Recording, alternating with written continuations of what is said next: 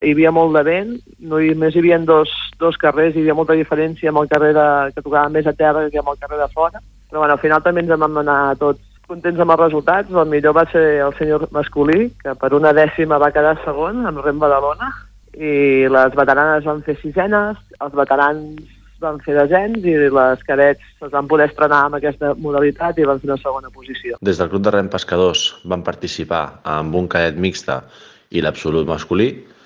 El cadet va aconseguir la segona posició a pocs segons del primer i a l'absolut vam aconseguir una sisena posició que per nosaltres és una victòria